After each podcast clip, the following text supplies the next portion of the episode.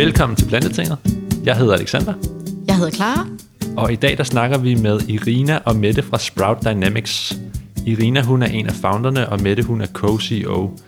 Og Sprout Dynamics er en virksomhed, der arbejder med spire. Simpelthen. Det er øh, to passionerede kvinder, som jo er iværksætter, og vi vil også rigtig gerne tale lidt om deres iværksætter-tips, som de kan give til andre. Måske er der nogle lyttere derude, der også kunne tænke sig at, øh, at komme i gang med deres plantebaserede produkter. Hvordan gør man egentlig det? Og en af de øh, tips, som vi allerede kan sige nu vil komme, det er, at Irina hun er øh, uddannet inden for finans og matematik. Så hun har i hvert fald nogle stærke holdninger til, eller giver tippet videre om, at man skal i hvert fald have fødderne på jorden og have styr på sine tal. Så øh, skal man skabe noget struktur, sådan så man kan scale sin virksomhed. Og øh, så skal man selvfølgelig også have de store drømme med sig. Det er en god kombination af både tal og drømme, som vil skabe succes for din virksomhed. Og så kommer vi selvfølgelig også ind på, at man kan spire derhjemme.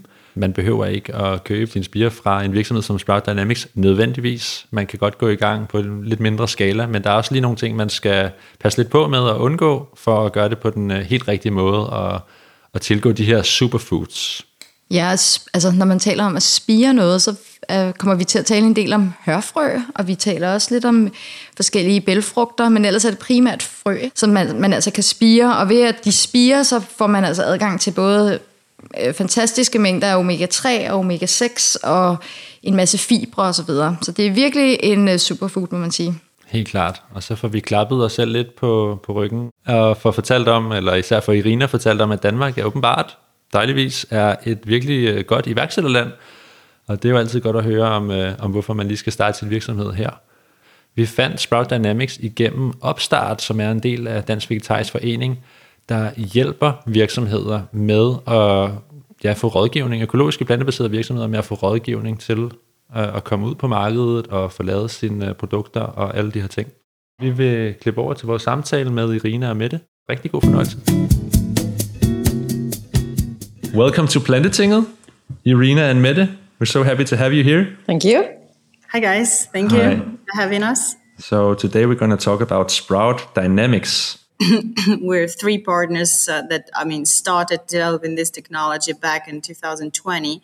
It was in the in the midst of COVID when uh, uh, you know people were experiencing this shortage of fresh food, and uh, uh, we were living in Bulgaria, and it was pretty hard to get. Uh, you know, Bulgaria is not the most advanced country in that sense. You know, in terms of uh, food delivery back then. You know, now it's it's it's picking up, but it was it was quite complicated to get fresh food for just for your family. You know, in the first place.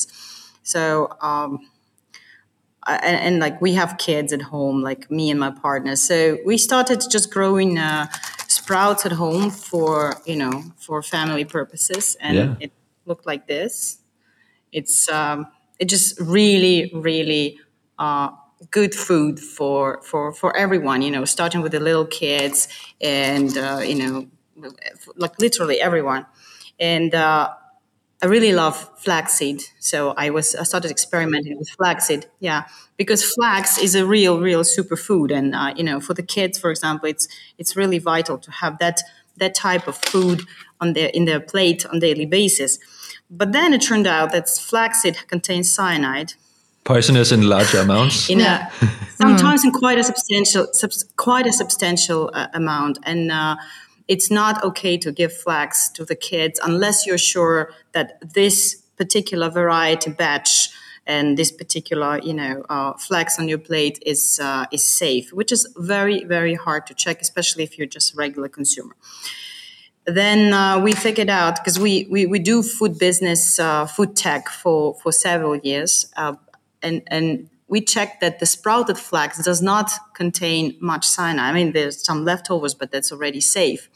And it gave us a, a very big boost uh, in terms of uh, food tech thinking. You know, it was this wow. You know, Yeah. uh, so not only we can benefit from this, but basically the whole world, because if you think about the seeds, they're like a can, right? And you don't eat the can, the the, the content of the can with the tin, right? So you open the tin, throw it away, and then you eat just the, you know, what's inside. So basically this seed is a can and you, you're supposed to open the can before eating. And that, that basically gave us this, this, um, you know, motivation to, um, to make this food available for everyone. We discovered, we got in touch with most of the sprouters in in uh, Europe, and it turned out that uh, it's a very complex uh, industry. It has so many challenges, especially in the in the food safety pers- perspective, like the salmonella, E. coli, fungus, like all sorts of things. And uh, sprouts uh, for now are either food for the rich or the food for the freaks who do that at home. you know? So it's either or, and then uh, it, it's not it's not food for everyone in that sense. And the, the idea was, I mean, the thought was, how can we make this happen? Uh, then we realized after certain analysis, of course, we, we kept sprouting at home, different different things, different seeds, because that was the only supply of real good food, real fresh food uh, within several months. You know, it's enough time to to, expect, to make a lot of experiments. And uh, we analyzed that the industry is not capable of supplying enough sprouts, diverse sprouts, safe sprouts, affordable sprouts.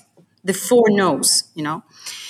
And uh, it became like a task. So since we have from our previous food tech business, uh, uh, where we do fermentation of uh, plants, mm. we have uh, an outstanding team. So we put the team at the table and said, guys, okay, how can we tackle that?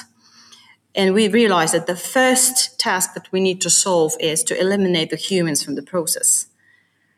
That was the number one and the most crucial challenge of all. So we started working on automation of the whole process. And uh, we designed the whole process in a way that they're, they're, they're like the, the humans are not ne- needed there.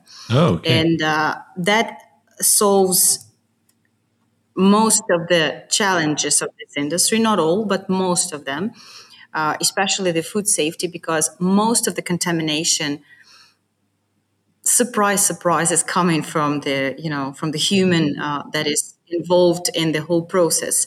The human error, uh, per se, from the acceptance of the raw material till the, you know, till the final stage when when, when it goes to the supermarket or it goes into the next stage of production, is is um, is huge, you know. So that risk cannot be eliminated once the human is still in the process. And that was our first thing. So once we designed the process where the human is not the risk contributor anymore, uh, at least half of the risks were out. Then there were, of course, different uh, tasks in terms of raw material, in terms of uh, future, let's say, destiny of this uh, of this uh, products and so on, because people don't know how to consume them.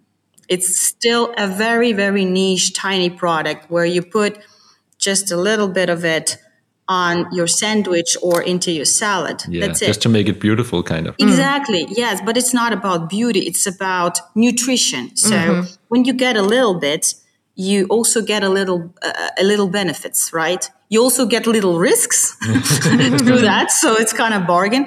But when you know that the risks are not there anymore, then why would you limit yourself, especially when it gets more affordable?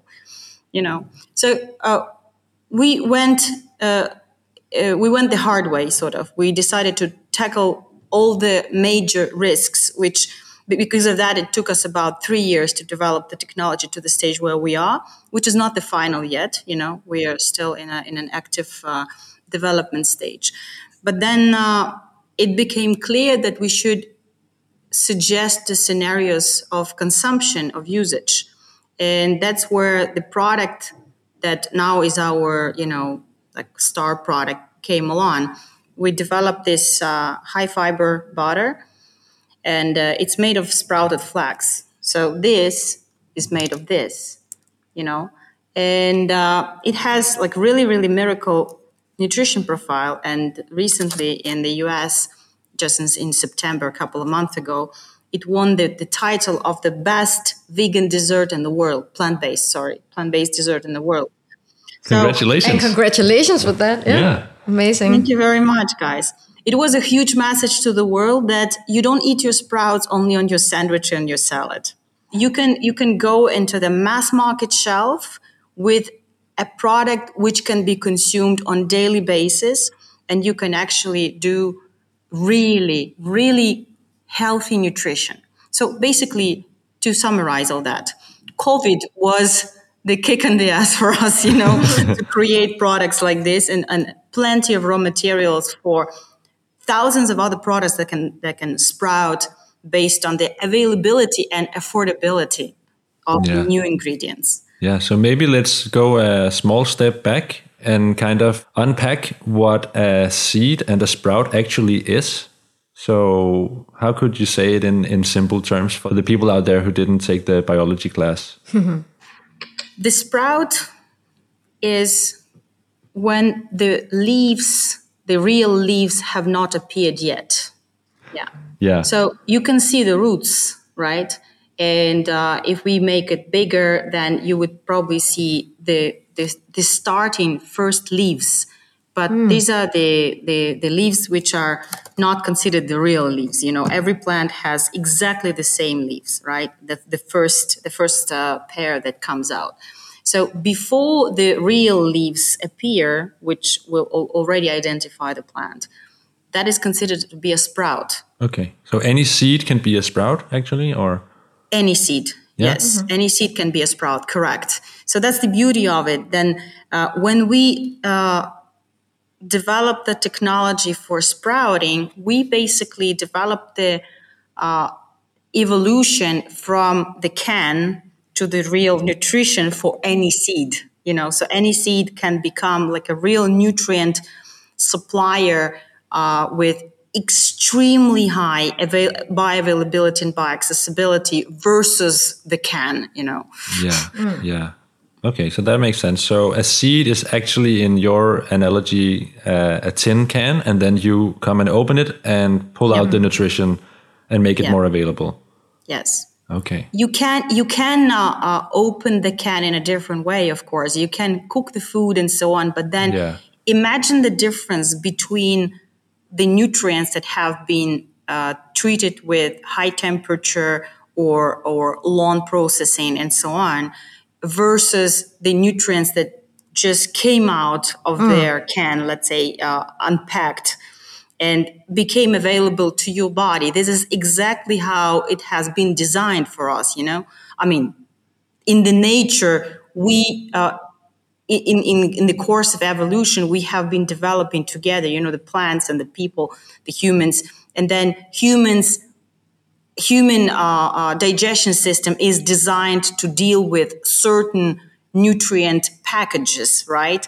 And then uh, normally in the nature you would you would prefer to eat something which is unpacked right rather than packed Yeah. so I guess flax seeds are kind of the the extreme example, right? Because if you just eat flax seeds raw, you will not digest anything. If I'm not mistaken, it will just go basically right through you. You have to You have to blend it, right? You have Or- to blend it, if or you swallow it without chewing yes yeah. uh, other, other, otherwise if you chew it well or you grind it before before eating you will digest uh, whatever is available there but then uh, uh, it's it's still uh, a, a subject to bioavailability and bioaccessibility. For example, proteins, right? Flax contains approximately 20% of protein. Not many people know that that you know a spoon a spoon of uh, flax contains as much protein as an egg. You know, it's it's it's a tremendous supply of protein. But then nobody eats that much pro- flaxseed because it's really hard to eat just like that. The consumption is very low because of that. Plus, the cyanide threat is always there. So you eat little flax to kind of balance off the, the, the risks, but then at the same time, that means that you're getting very little benefits. Why would you limit yourself if you can, you know, unleash yourself and get like uh, just give you an example my kids eat daily this portion of flax you know? And uh, it's uh well this this would be approximately i don't know 30 for 40 grams yeah it's like both of your hands full of full of no more yeah. than, no more than 50 i mean it depends it depends on the variety and so so e- eating eating for a kid 30 50 grams of flax is is is an absolutely enormous amount because in uh, in that amount of flax you will have daily norm of your omega 3 plant based of course. Yes. You will have uh, good good amount of protein yeah? So that would be uh, definitely like a, an amount of more than an egg for example in a very highly bioavailable form. That is very important. And the amount of dietary fiber in that portion of flax is at least half of the daily portion for for you know for an adult which is very precious because if you look at the new Nordic nutrition recommendations, which are for now, I believe, the best in the world, because we've been studying this type of nutrition recommendations from all over the world, and the new Nordic re- uh, nutrition recommendations are the most sophisticated, the most advanced, and the most scientifically backed, based on real researchers made in uh, in the Nordics uh, within the last I don't know 20 years or something like that. And the, the dietary fiber recommendation for adults is something like for women around 30 grams, for men, men around 40 grams. In order to eat that much dietary fiber, you need to eat at least two kilos of carrots, guys. You can do that. Go ahead. yeah, yeah. I mean, that's very complicated. You know, Yeah. so our body uh, uh, needs the dietary fiber to feed its microbiome. But then when you are trying to get that much dietary fiber, you're facing a lot of challenges. You know, okay, in Denmark. The, I love this, this this food that you have, guys. This smørrebrød, for example, and so on. This this stuff is amazing. But then, how many of those smørrebrøds do you eat per day? at the end of the day? well it depends on who you ask and it could be a lot potentially but yes yeah it could be but it is not No, it's not not, for And- everyone. and then also if you if you if you think about how many people actually do that mm-hmm. instead of some kind of eating a burger instead of eating some potato chips instead of eating i don't know some some questionable food you know. It's it's it's really a big dramatic uh, factor these days. And most of the people in the world now are underfed in terms of dietary fiber. So the fiber deficiency is huge. And that means that we're not feeding our you know gut bacteria with the right nutrients i mean that those that they need and which is insol- insoluble dietary fiber. And that means that our immune system goes down. So as as easy as it sounds it's it's a big dramatic problem in the nutrition of this of the civilized people these days because we do not do enough fiber. And then i mean unless you do food supplements you know but then in the food supplements still your body is is getting it's getting let's say dry dry supplement like dry in which sense? I mean it's not fun. It's not it's not what the body actually wants. So you're like force feeding it. So when you're force feeding your body your body is not really taking a lot out of it. So it's kind of a boring part of it. It's gonna unavoidably abort part of what you're taking. So if you can make food fun delicious easy because it's really easy to uh, to have uh, to, to, to grab a handful of this kind of stuff and do like we have I don't know more than 200 recipes of what you can do with the sprouts. I'm not talking even about this kind of things, you know, because okay, this is this is industrially produced. It's uh, the it's high a different fiber story, butter right? yeah Yeah, but then wh- wh- when you have the whole the, the whole list of things that you can do in different different different styles you can do the asian food you can do fast food you can do just fresh sprouts you can use it with such and such sauces you know. I mean sky's the limit in that sense. But they should be available. So that's what that's where we come uh, come into the picture saying that guys we, we can teach you to sprout them at home other than flaxseed though because flaxseed is the most capricious and the most demanding most challenging seed of all in that sense. So it's kind of dangerous to work with that at home it's um, it's protected by nature by first cyanide second by the mucose you know so it, it's uh, it, it's uh, extracting when you put it in the water it's extracting so much mucilage which is like slimy thing, which is uh, which is soluble fiber in the end of the day, which is good stuff for your body. But then you need to sprout it long enough, which means that mucilage is gonna spoil the whole thing. I mean, it's gonna uh, make the product after let's say maximum two days, it's gonna turn it into garbage. So that was a very important factor to tackle because the cyanide will be gone after about four days. Okay. It's boring stuff. I mean, No, it's good. long story short, now this this type of uh, product is uh, is produced on regular basis, and for now it's not available in most of the countries because we use for now we have a small production right now. We are using the the raw material for this spread, which is uh, soon uh, going to be available across the US. And How do you uh, define the spread? Is it is it kind of uh, an equivalent of a nut butter or chocolate butter, or how it would is you say? it is very similar it is very similar well as a person who was uh, who was trying this spread from very very first versions of it because we've developed it in house right I, I'm probably not the best person to speak about it, and I would like to ask you, Mette, to to to give your opinion as a person who uh, who tried it as a as a you know as a newcomer let's say as a consumer in that sense you know you were not trying each and every version of it and seeing the evolution so you like when you're trying when you're getting used to it sort of Yeah, exactly. Because getting used to it, and I've, I've um, what was it on Wednesday? I visited uh, the expo in in Malmö for the Nordic uh, organic food uh, thing, and there there are a number of people. They they they asked, "What what is this then?" And I said, "Is is it a, the healthy Nutella?" And yeah, you could say it is a healthy Nutella. Um, there is a number of things that that it's it's that is not included in in this product. Um, I, for myself, I've never eaten Nutella, so I, I couldn't say, but I, I do like this. So on a piece of bread or yeah, for baking, whatever.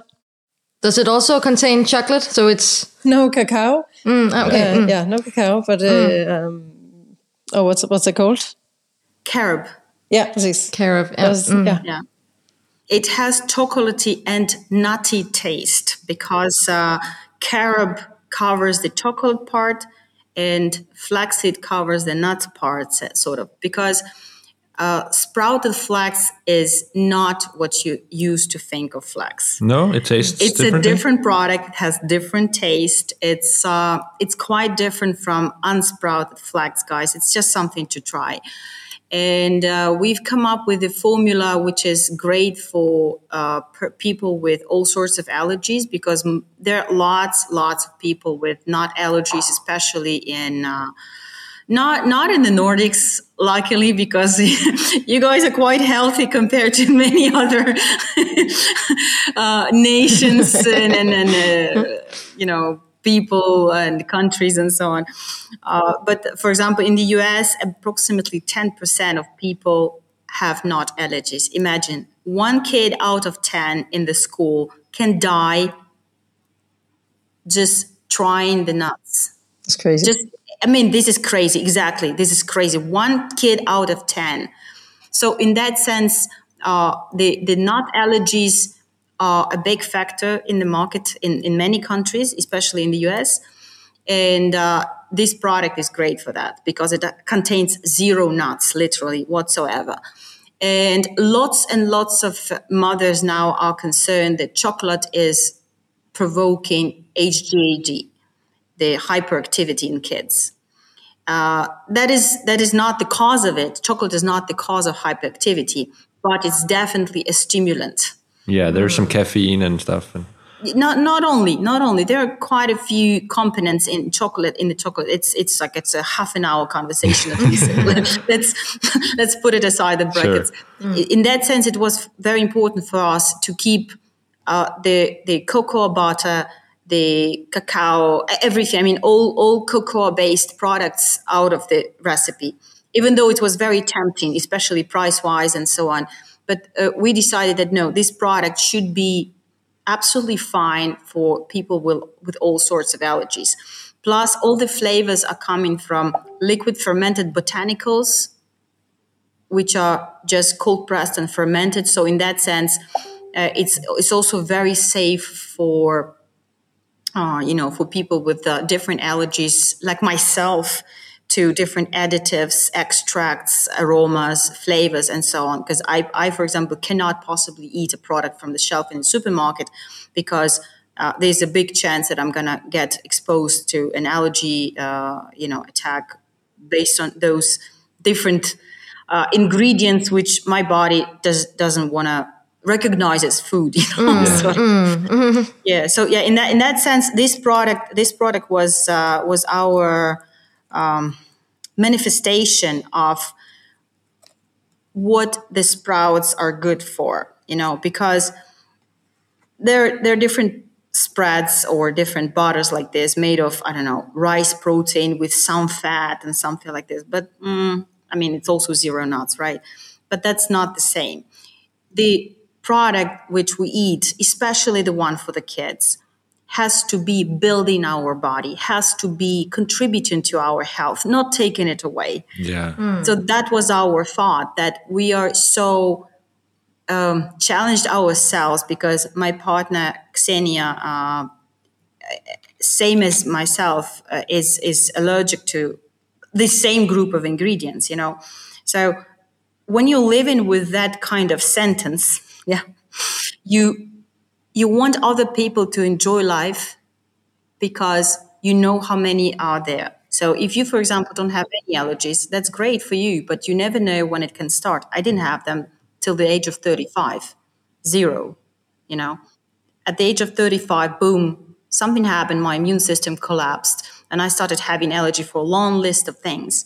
Now I see that, okay, my body is totally fine with real food, whatever that is, so if it's natural, if it doesn't contain pesticides, aromas, flavors, extracts, emulgators, preservatives, and pa, pa, pa, pa, pa, I mean the long list of something which makes the food eternal, which makes the food to live long, gr- look great, yeah. and so on. But it's kind of faking my food in a way, you know. So that was that was the objective: make sprouts available.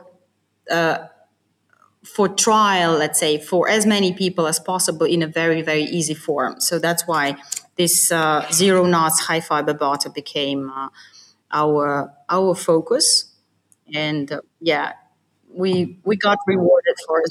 What are the main ingredients of it? It contains uh, uh, approximately twenty percent of sprouted flax and uh, sprouted uh, buckwheat and sprouted lentil are also part of it, but in a minor minor portion. But also, uh, so it's not purely flax; it's uh, flax, buckwheat, and lentil, but all sprouted to a very certain stage when the micro and macronutrients open up to the optimum stage. Because if you start growing the microgreens out of the same seed, for example, then you basically donate those uh, micronutrients, normally mainly micronutrients, into the you know into the green part, into the leaf. And I mean that is another product. It's also great, but it's it's it's another story. But in in terms of keeping the micro and macronutrients at its best, uh, we've been doing a lot a lot of development and a lot of studies in terms of where the sprouting should stop. Is it day one? Is it day two, day three, day four? But normally it's between day two and day five, depending on the seed. Okay, that's not a very long time. I, I was going to ask you what, how, for how long is the sprouting stage? Mm-hmm. so you have to act pretty quickly, right? To yes, to yes, get the well, maximum out of the. If you if you do the same thing at home, normally it's double that. Okay. But uh, once we have been developing the technology and studying how the seed is consuming, uh, let's say, water, nutrients, uh, and different resources, and uh, what kind of conditions it needs.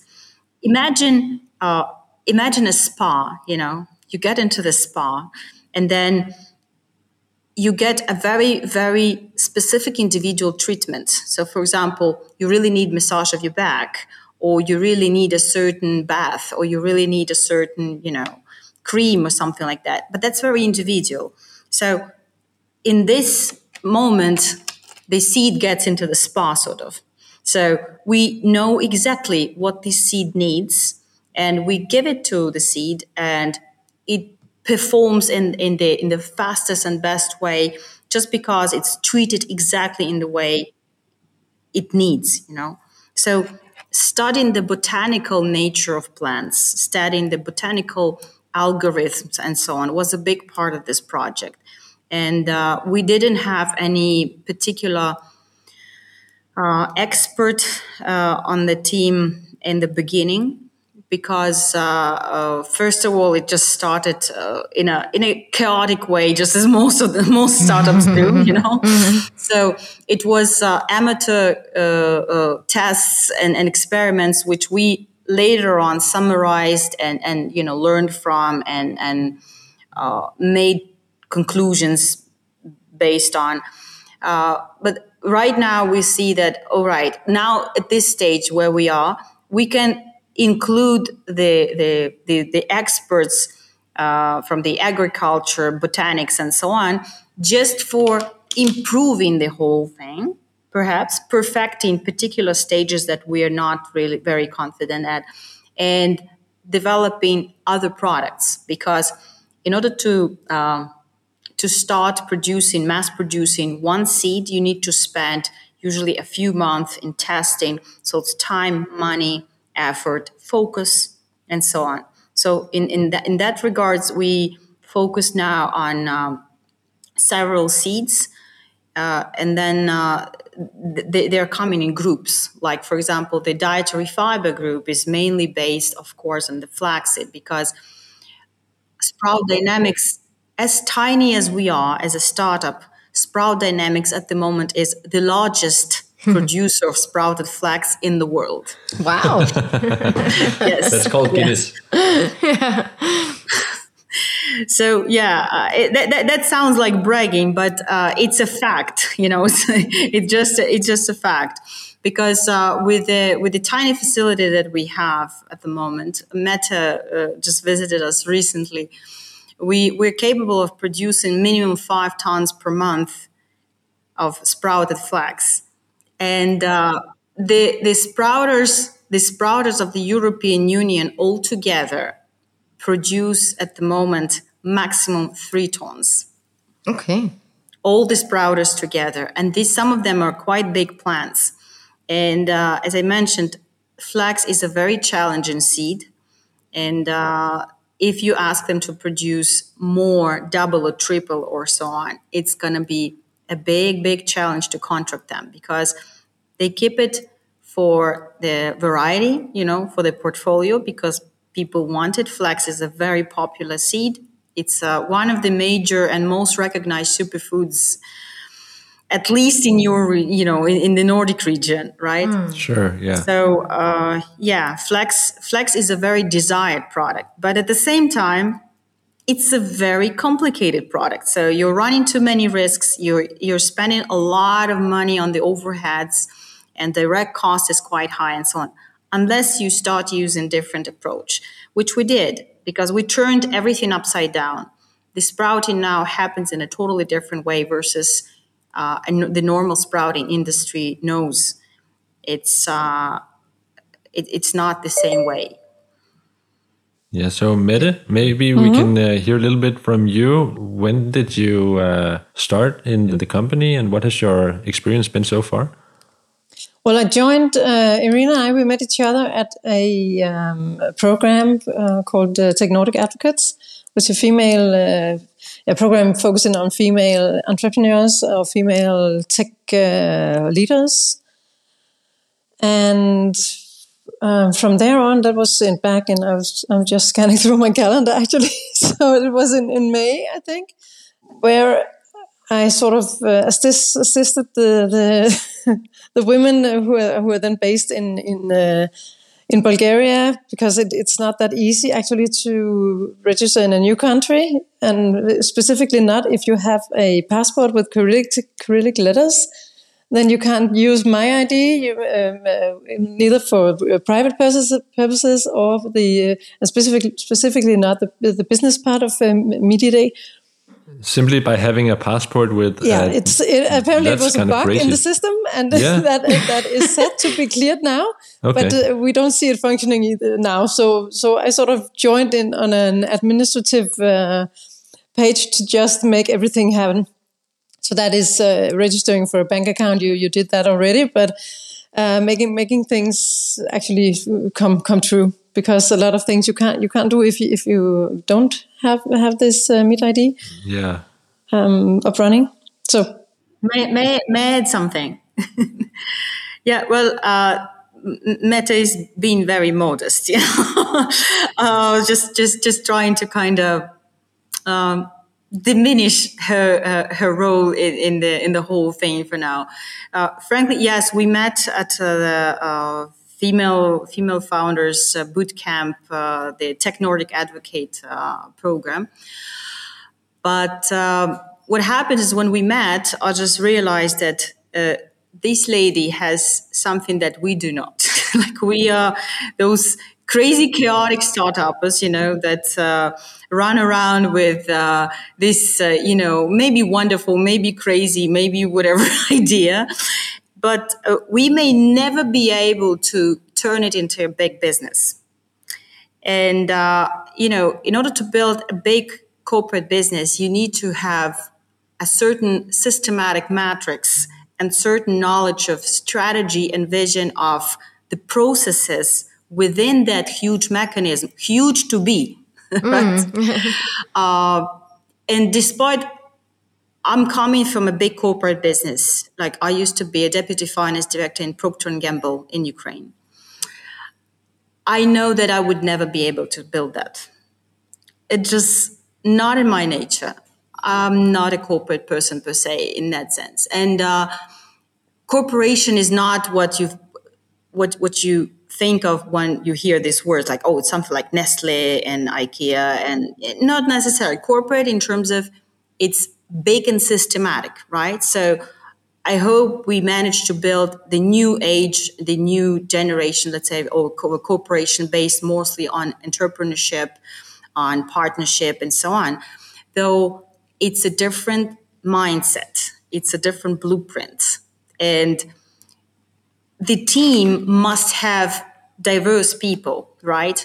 So I saw this in Mette, and after now month, what is it, about half a year, yeah, of working together, I I can tell that it's absolutely true. and I'm very happy that you met to join. Thank you very much because we need you in our team.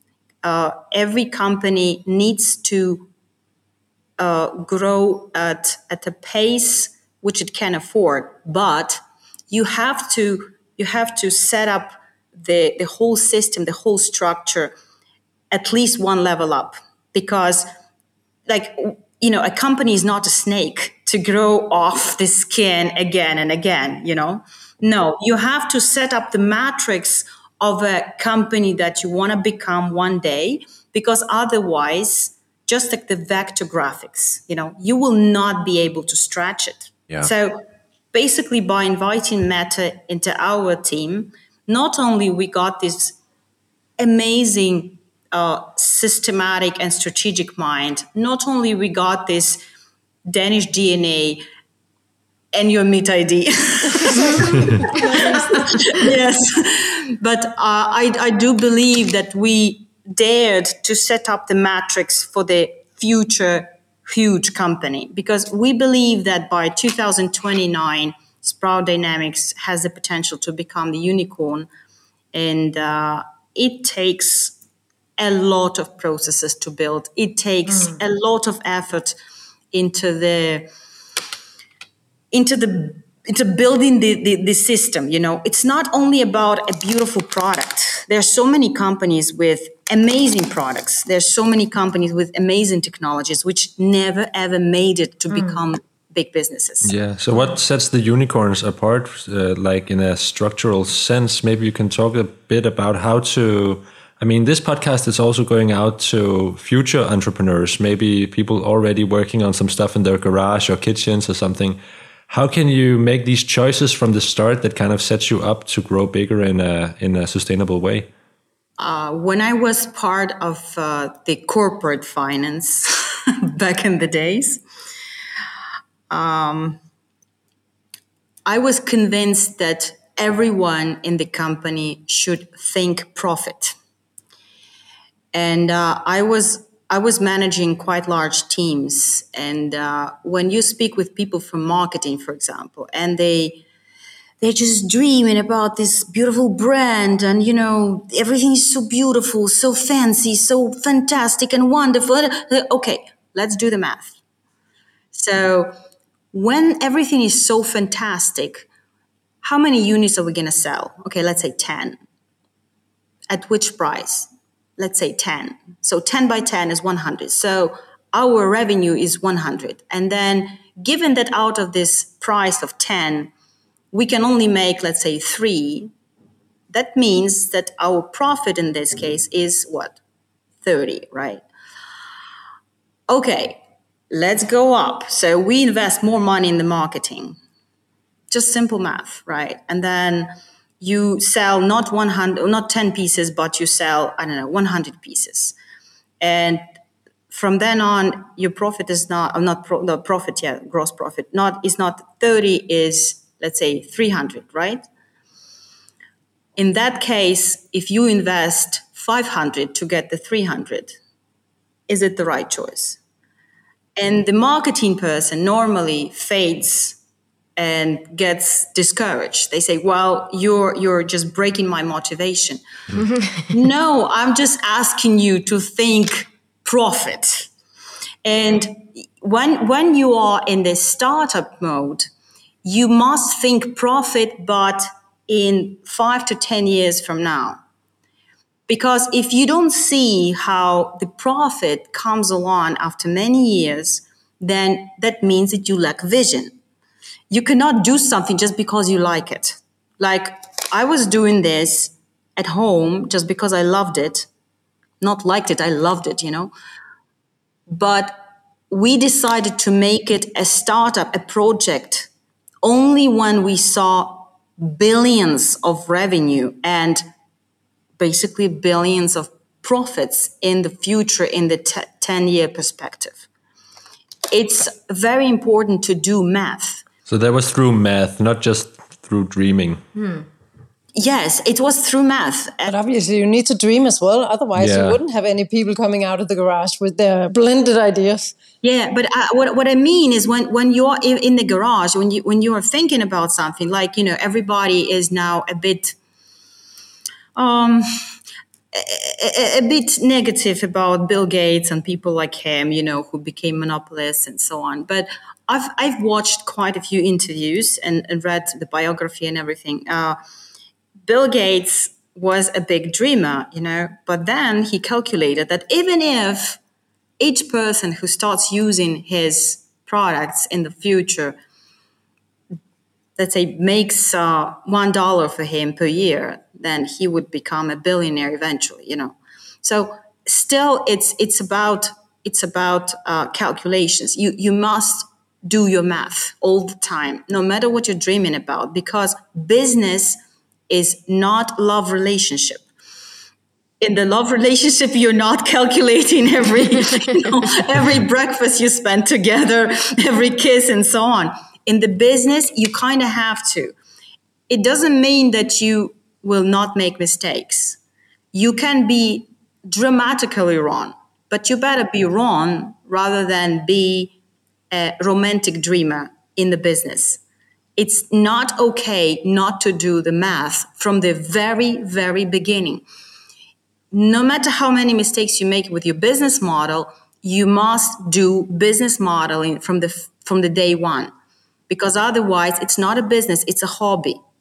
So kitchen garage, uh, kitchen or garage startups, which start with a dream and so on, they can be a beautiful hobby, but they become business only when they start making money or they uh, realize their cap- capability of making money. Because startup is investing investing investing investing and maybe making money in the future right? So only those startups that made not too many mistakes and did enough things right will mm. become successful businesses. That's why the percentage of successful startups is what like 5% something like that right mm. mm. the the rest the rest of officially fail so uh, if you model from the first day and then you review your model, correct your model, adjust your model, uh, revitalize it. I don't know, use whatever mm. whatever verbs you know.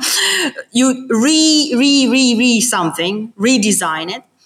Uh, that's that's the way to do because you you don't know where you end up. You you may start with uh, you know software for the whole world in mind, and you will end up with a niche software for particular type of hospitals for people with cancer. I don't know something like that. But you may become a monopolist in, in, in this sense. By the way, there's a beautiful book about this from zero to one.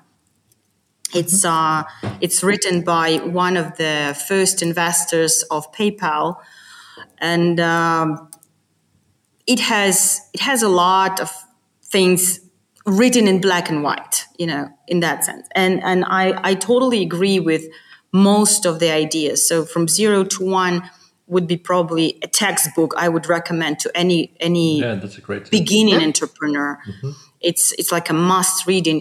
Even if you read the first i don't know 20 25 pages i guess that's enough because most of the logic is is in, is in the first few chapters then the rest is like explanation and details uh, on to, to, to what is written in the beginning. So yeah, I mean math, math. I'm sorry. Do your math and read zero to one. Math and, and, and, and, and later on get obviously also get out on the road. Mm. Yeah. Um, for instance, uh, seek out conferences, whatever. See which people are, are in, in your industry. What questions are asked? Yeah, well, it's it's uh, it's something that entrepreneurs do naturally, you know, because uh, being an entrepreneur is is a certain state of mind. So, for example, a person who is critically uh, attached to safety cannot become an entrepreneur. I mean, a successful entrepreneur, because entrepreneurship has a certain portion of risk, sometimes high risk. So you you have to kind of disattach from the solid safety, which is normally associated with a you know solid job, salary, and so on.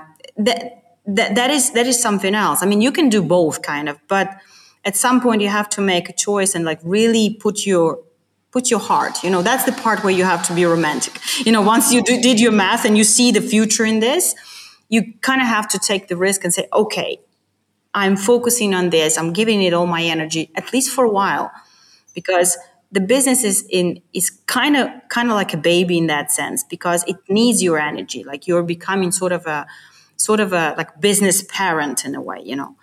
And uh, there's there's no there's no recipe for that.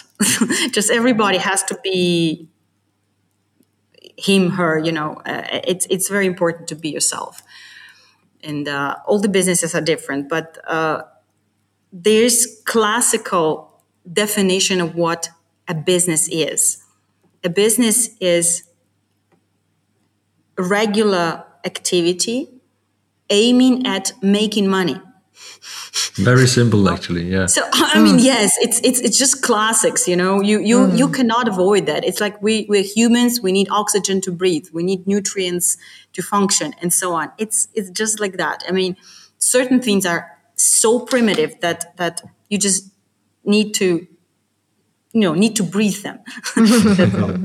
Should we talk a bit about you know who do you sell to? The the future Sprout Dynamics how does that look? Who do you sell to? Yeah primarily. Well right now right now since we have a very small pilot plant with very limited production capacity it's uh, it's quite simple right? So we sell all the ingredients uh, to the company that makes this spread.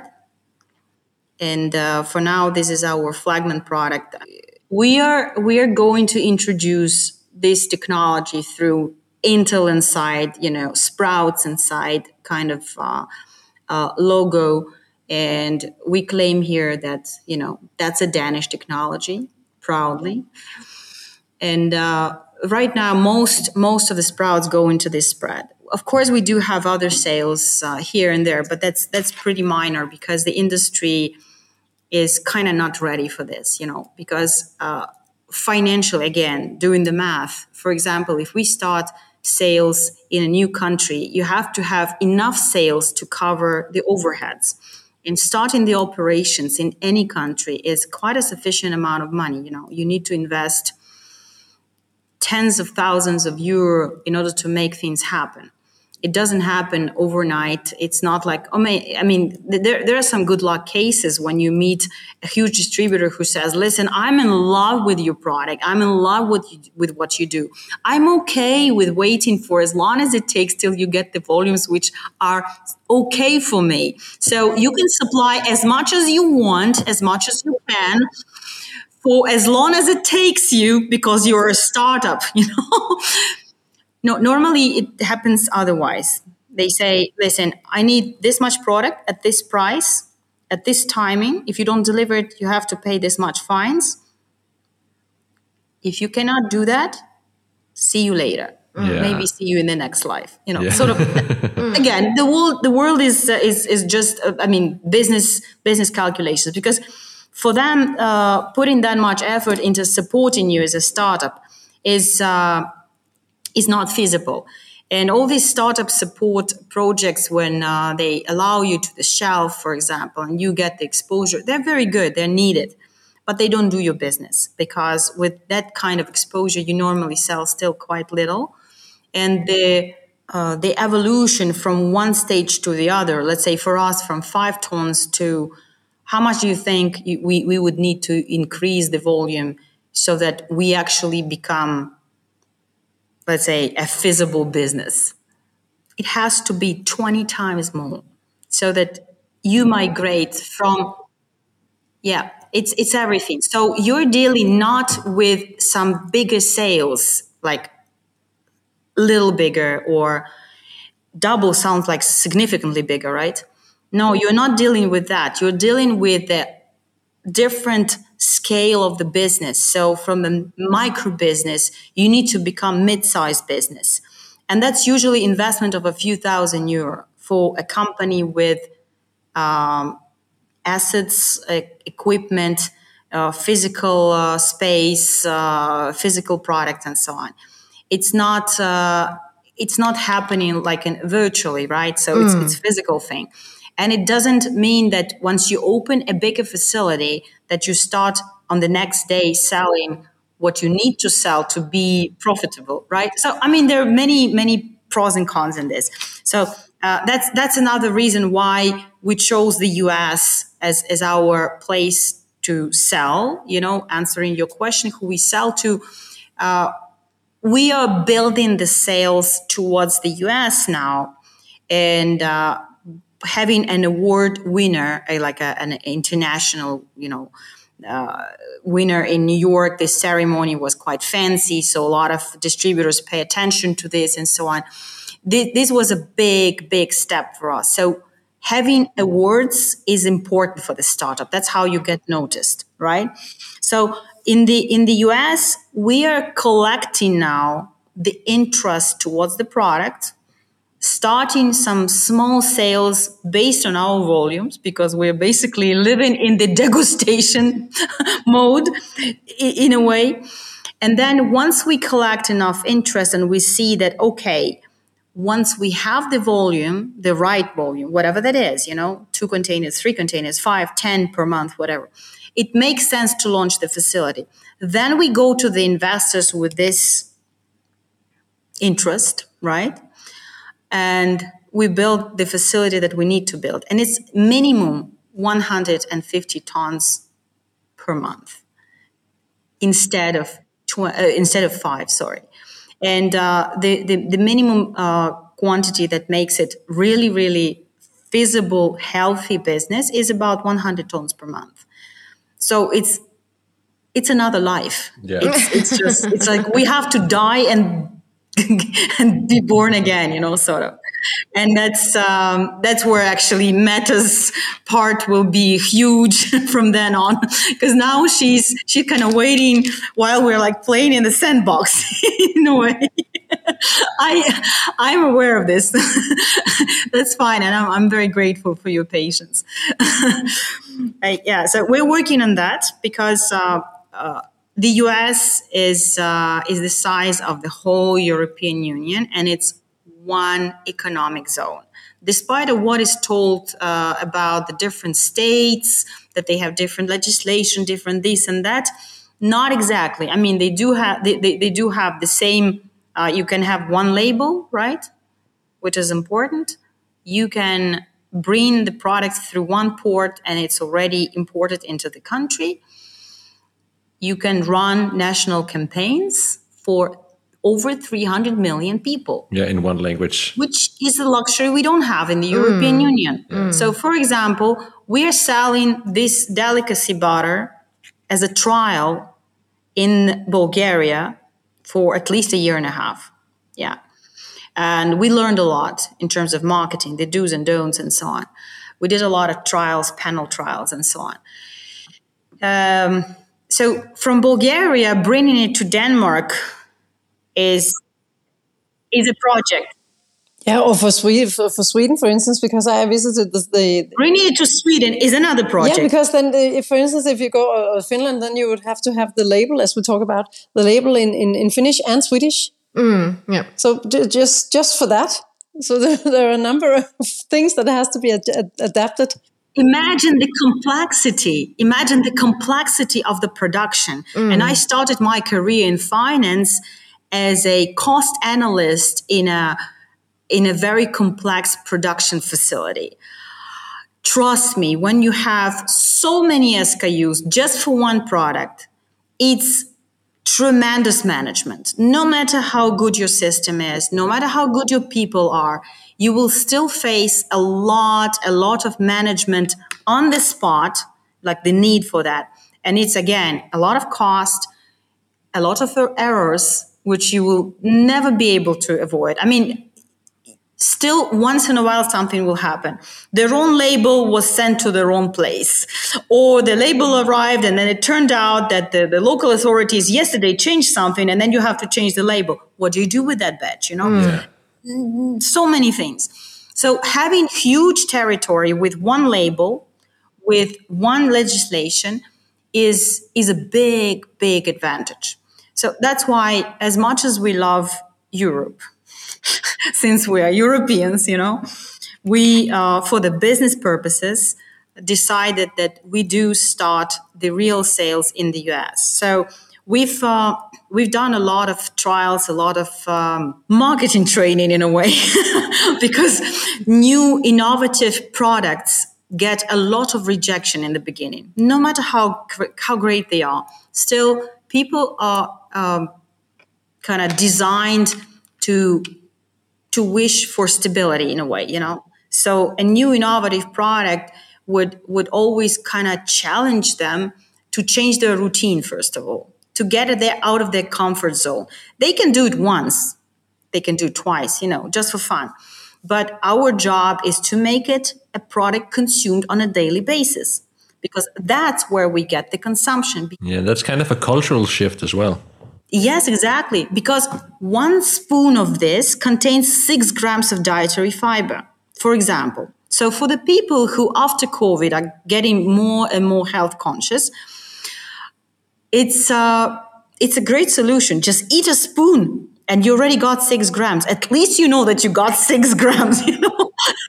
Relax. Okay, get two spoons, which is also fine, you know.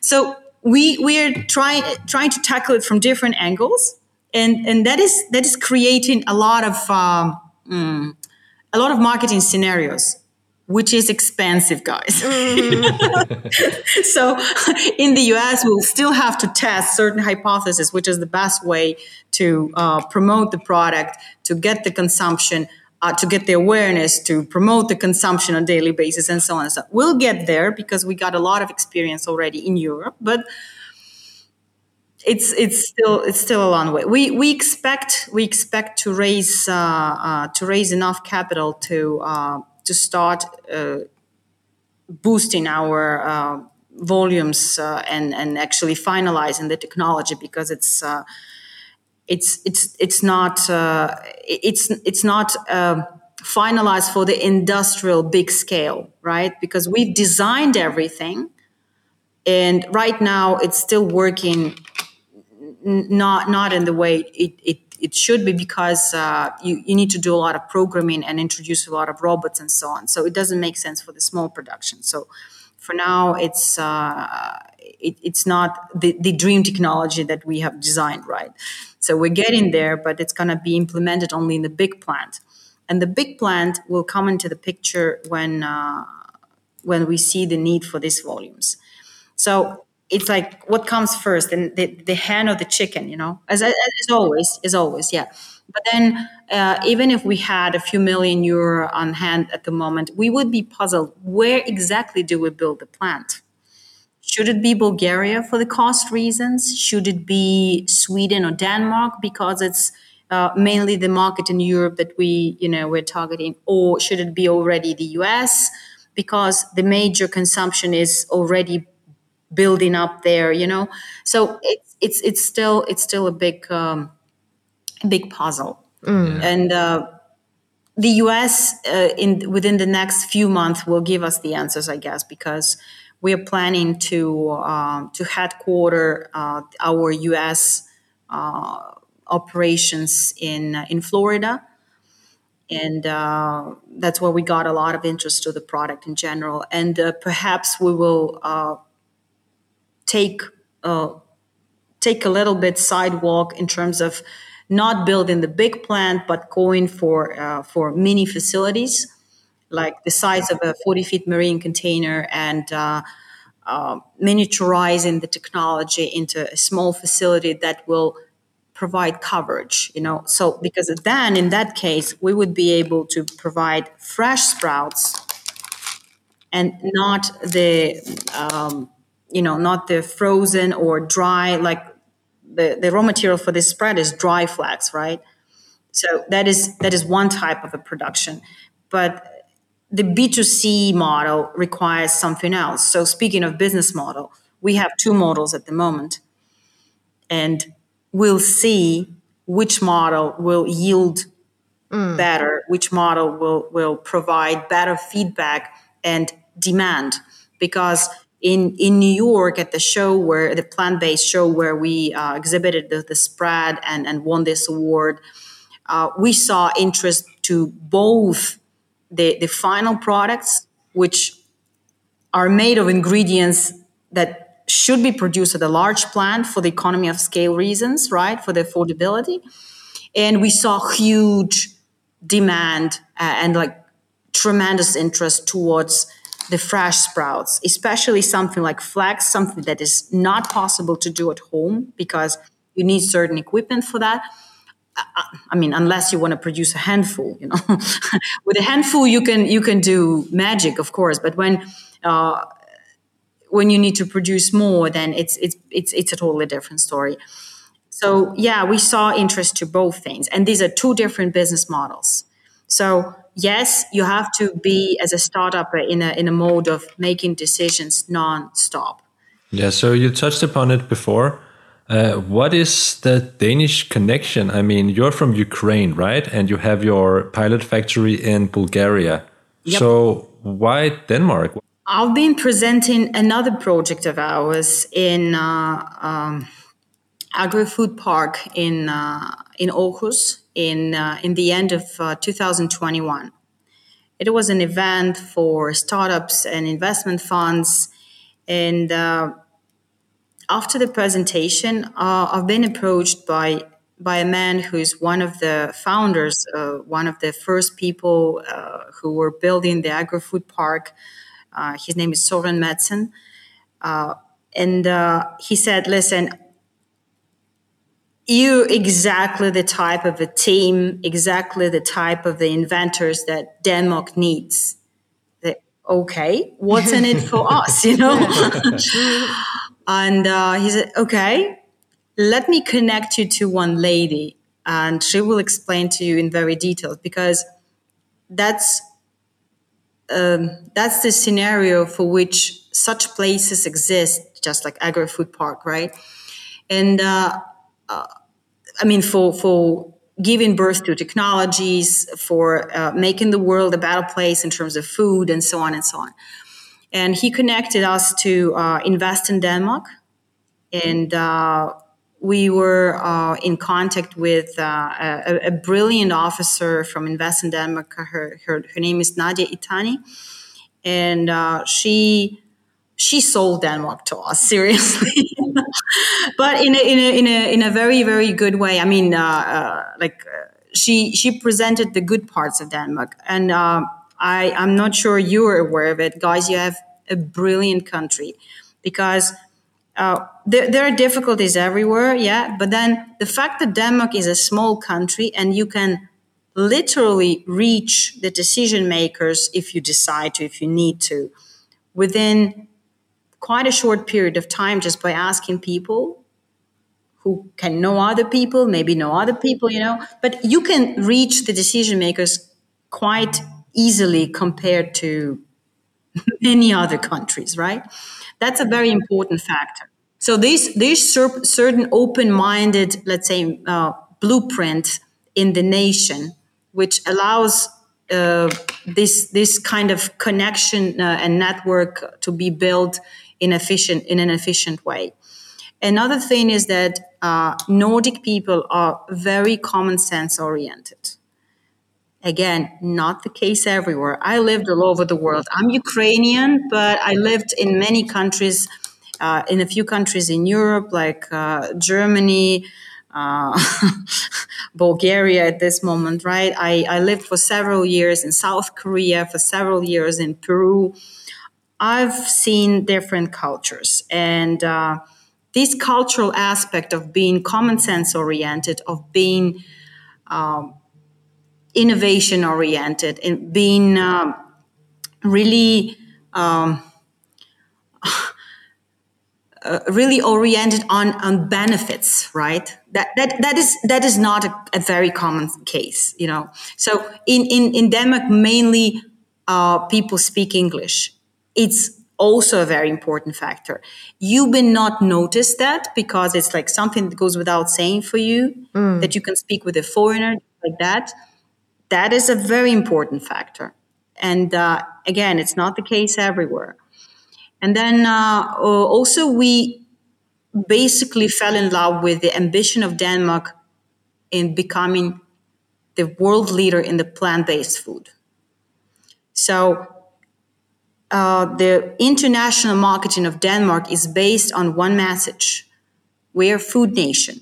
So there's also there's there's even uh, um, uh, a, like a department of I think of the for- Ministry of Foreign Affairs called Food Nation Denmark. So there's a lot of international marketing in that sense, and it, it appealed greatly to us. A tiny country like, come on, guys, on the map of of the world, Denmark is like is a pinpoint. So a tiny country having an ambition, having the guts. Uh, to claim the world leadership in uh, such an such a important trend as plant based food eh, is a lot. You have to have the knowledge, you have to have the courage, you have to have resources, you have to have the vision, and so on. And it was so matching what we are a tiny company having the ambition to say, we're going to become the number one technology in the sprouting industry. And the sprouting industry today is already $5 billion sales per year. And it's considering all those limitations that are there today, it's very artisanal, it's very hand labor uh, based, it's very expensive, and so on. And it's huge sales. Imagine if you make it cheaper, automated, safe, and so on and so on. It's gonna be what? 100 million tomorrow, right? Something like that. So Denmark gave us this ambition to um, to kind of you know blend together the, the, the courage and the ambition and so on and go internationally together under the Danish flag And uh, for example, this award that this product won, it won as a Danish company. You know, and international marketing matters a lot. so yeah, Denmark was was our choice uh, based on uh, business uh, pillars and also based on a lot of a lot of cultural and value uh, aspects which which appealed greatly to us yeah but also Denmark was the country that gave birth to the new Nordic cuisine project. We're huge fans. Uh, in, in, in, in March, yeah, in, in March, I've been part of the delegation from Copenhagen University and Food and Biocluster Denmark to the Silicon Valley, California. And uh, it turned out that most of the people from the uh, Copenhagen University are not truly aware of the the level and the importance of the new Nordic and uh, new Nordic nutrition whatever project. They knew that it was born in their university.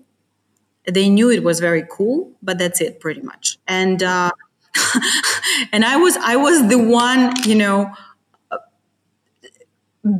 like uh, promoting the project to them in a, in a very very passionate way because I do believe it's the best project of a kind that was ever born in this world like seriously so far because a systematic work with all the all the all the all the sorry um, segments of the value chain starting with the agriculture and innovations and finishing with the finished goods and consumption so it's literally all the value chain with a lot of medical examinations done within more than 10 years. It's, it's really state of art project. And I do have a lot of attachment to that. I do have a lot of respect and I do have a lot of acknowledgement of the, you know, of the importance and, and, and the beauty of this, of this project. So it was also a big factor, frankly. So something like that. Yeah, so maybe we can uh, kind of go back to the kitchen and talk just for a few moments about how you would go about sprouting back at home before we can, of course, someday buy Sprout Dynamics in every mm-hmm. store and get it sent uh, to everywhere. But yeah. but right now, I guess it's easier to to go about it in your own home. How would you start, and what would you kind of try to avoid? As a consumer. Yes, as a consumer, as a regular daily person. Yes. yeah. Uh, f- f- first of all, uh, a very, very primitive recommendation never ever sprout seeds that are not organic. Make sure you buy organic seeds for that.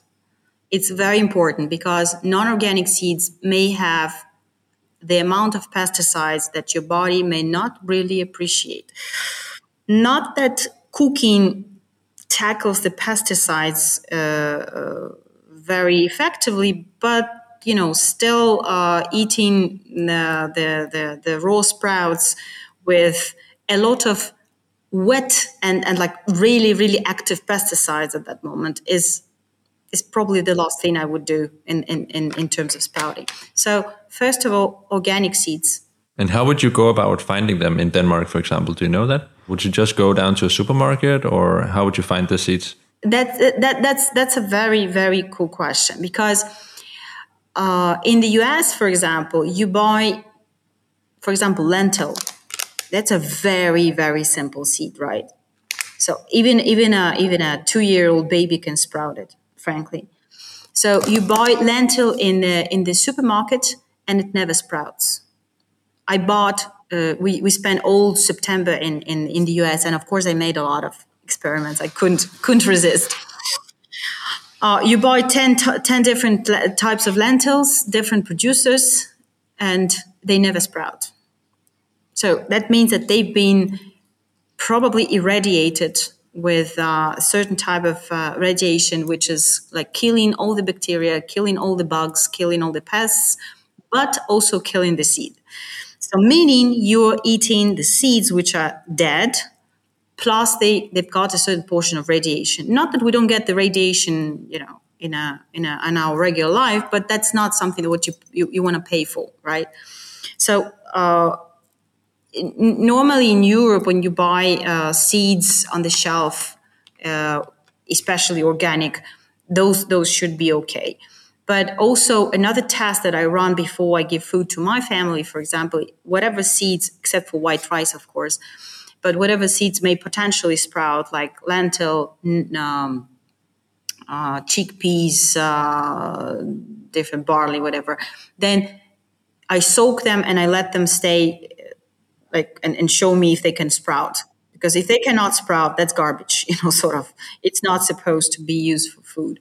Mm. uh, so yeah if you if you buy in denmark uh, organic i know lentil uh, flax uh, sunflower seeds whatever they they should be sprouted i mean they should be able to sprout of course you can buy uh, definitely the if you if you search on internet if you google it uh, like seeds for sprouting there, there are dedicated websites and so on. But even uh, uh, something like lentil should sprout just from the store, frankly. It's, it, sh- it should be okay. If it doesn't, then it's a disaster. It should. no, seriously, because that, that means that it got certain treatment which is not on the label. I'm fine with any treatment, but people should know. So the seed which cannot sprout, like lentil, for example, right? uh, which cannot sprout after you soak it for one night. So approximately like minimum eight hours, better 12 hours. So eight to 12 hours of soaking. You just give it enough water so it can like drink the water sort of. Then you drain the water, you rinse it under the uh, just just flow uh, normal flow water in the kitchen sink, you know, and you you you leave you leave it in the sieve so it can drain the water, and you can cover it with a plastic bag or with a wet towel it doesn't matter. But i mean you just just make sure it doesn't evaporate all the water because but basically the, all the water is drained. So the, the soaked wet seeds after 24 hours must show some signs of life at least they must you know like show you that uh, it's trying to get out in lentil will definitely get out the, the, the root the root gets out you see it it's alive you know so uh, yeah, I mean, soaking for eight to twelve hours, and then you know keeping it in a in a drained but isolated condition, so it doesn't evaporate all the water. Uh, within 24 to 48 hours normally gives you quite good results. And it's just ready to eat. You can just and put it on the on your salad yes, or whatever. Yes, yes. Yeah. So, for example, with flax, it's a different story because of this uh, mucilage that I mentioned. Yeah, this like slime around it. Uh, because uh, you, you you really need to work hard on, on on beating it out, sort of like with a like stream of water or something like this. In in in, in regular home conditions, it's it's it's very very hard. So you can do it with a very small portion, but then uh, if you want to sprout like half a kilo, hmm, it's it's like literally impossible like that. Seriously. So yeah, flax is flax is kind of complicated in that sense. It's it's uh, it's possible, but but more uh, more challenging. But something like flax, chickpeas, uh, alfalfa. My God, alfalfa grows like weed. You know, I mean, it's just just give it some water and then drain the water after, and it will within 24 hours already start. You know, producing so much life, and after 48 hours, it's it's like a huge chunk of food which is like really full of life and so on. We do have uh, we do have uh, a whole portfolio of seeds that we can potentially sprout, but right now we focus on the commercial seeds, you know, because uh, promoting any type of ingredient is quite quite expensive. I mean, you have to build the marketing, which is not the case for home. At home, you can do whatever you want. So normally, normally in my place, I have I have for my kids like at least three, four types of sprouts because they eat them on daily basis. That's our deal. Otherwise, they cut off the internet. but anyways, no. But they choose they choose the seeds that they like, you know, and then you see that okay, in one week you you see that the flax has gone first, in another you see that uh, this uh, um, um, alfalfa, for example, is gone. So it depends. It depends on the mood, you know, as well. But the, but the choice, the choice is is a big deal because when you give a human a choice, then the body starts, you know, really, really uh, uh, being interested.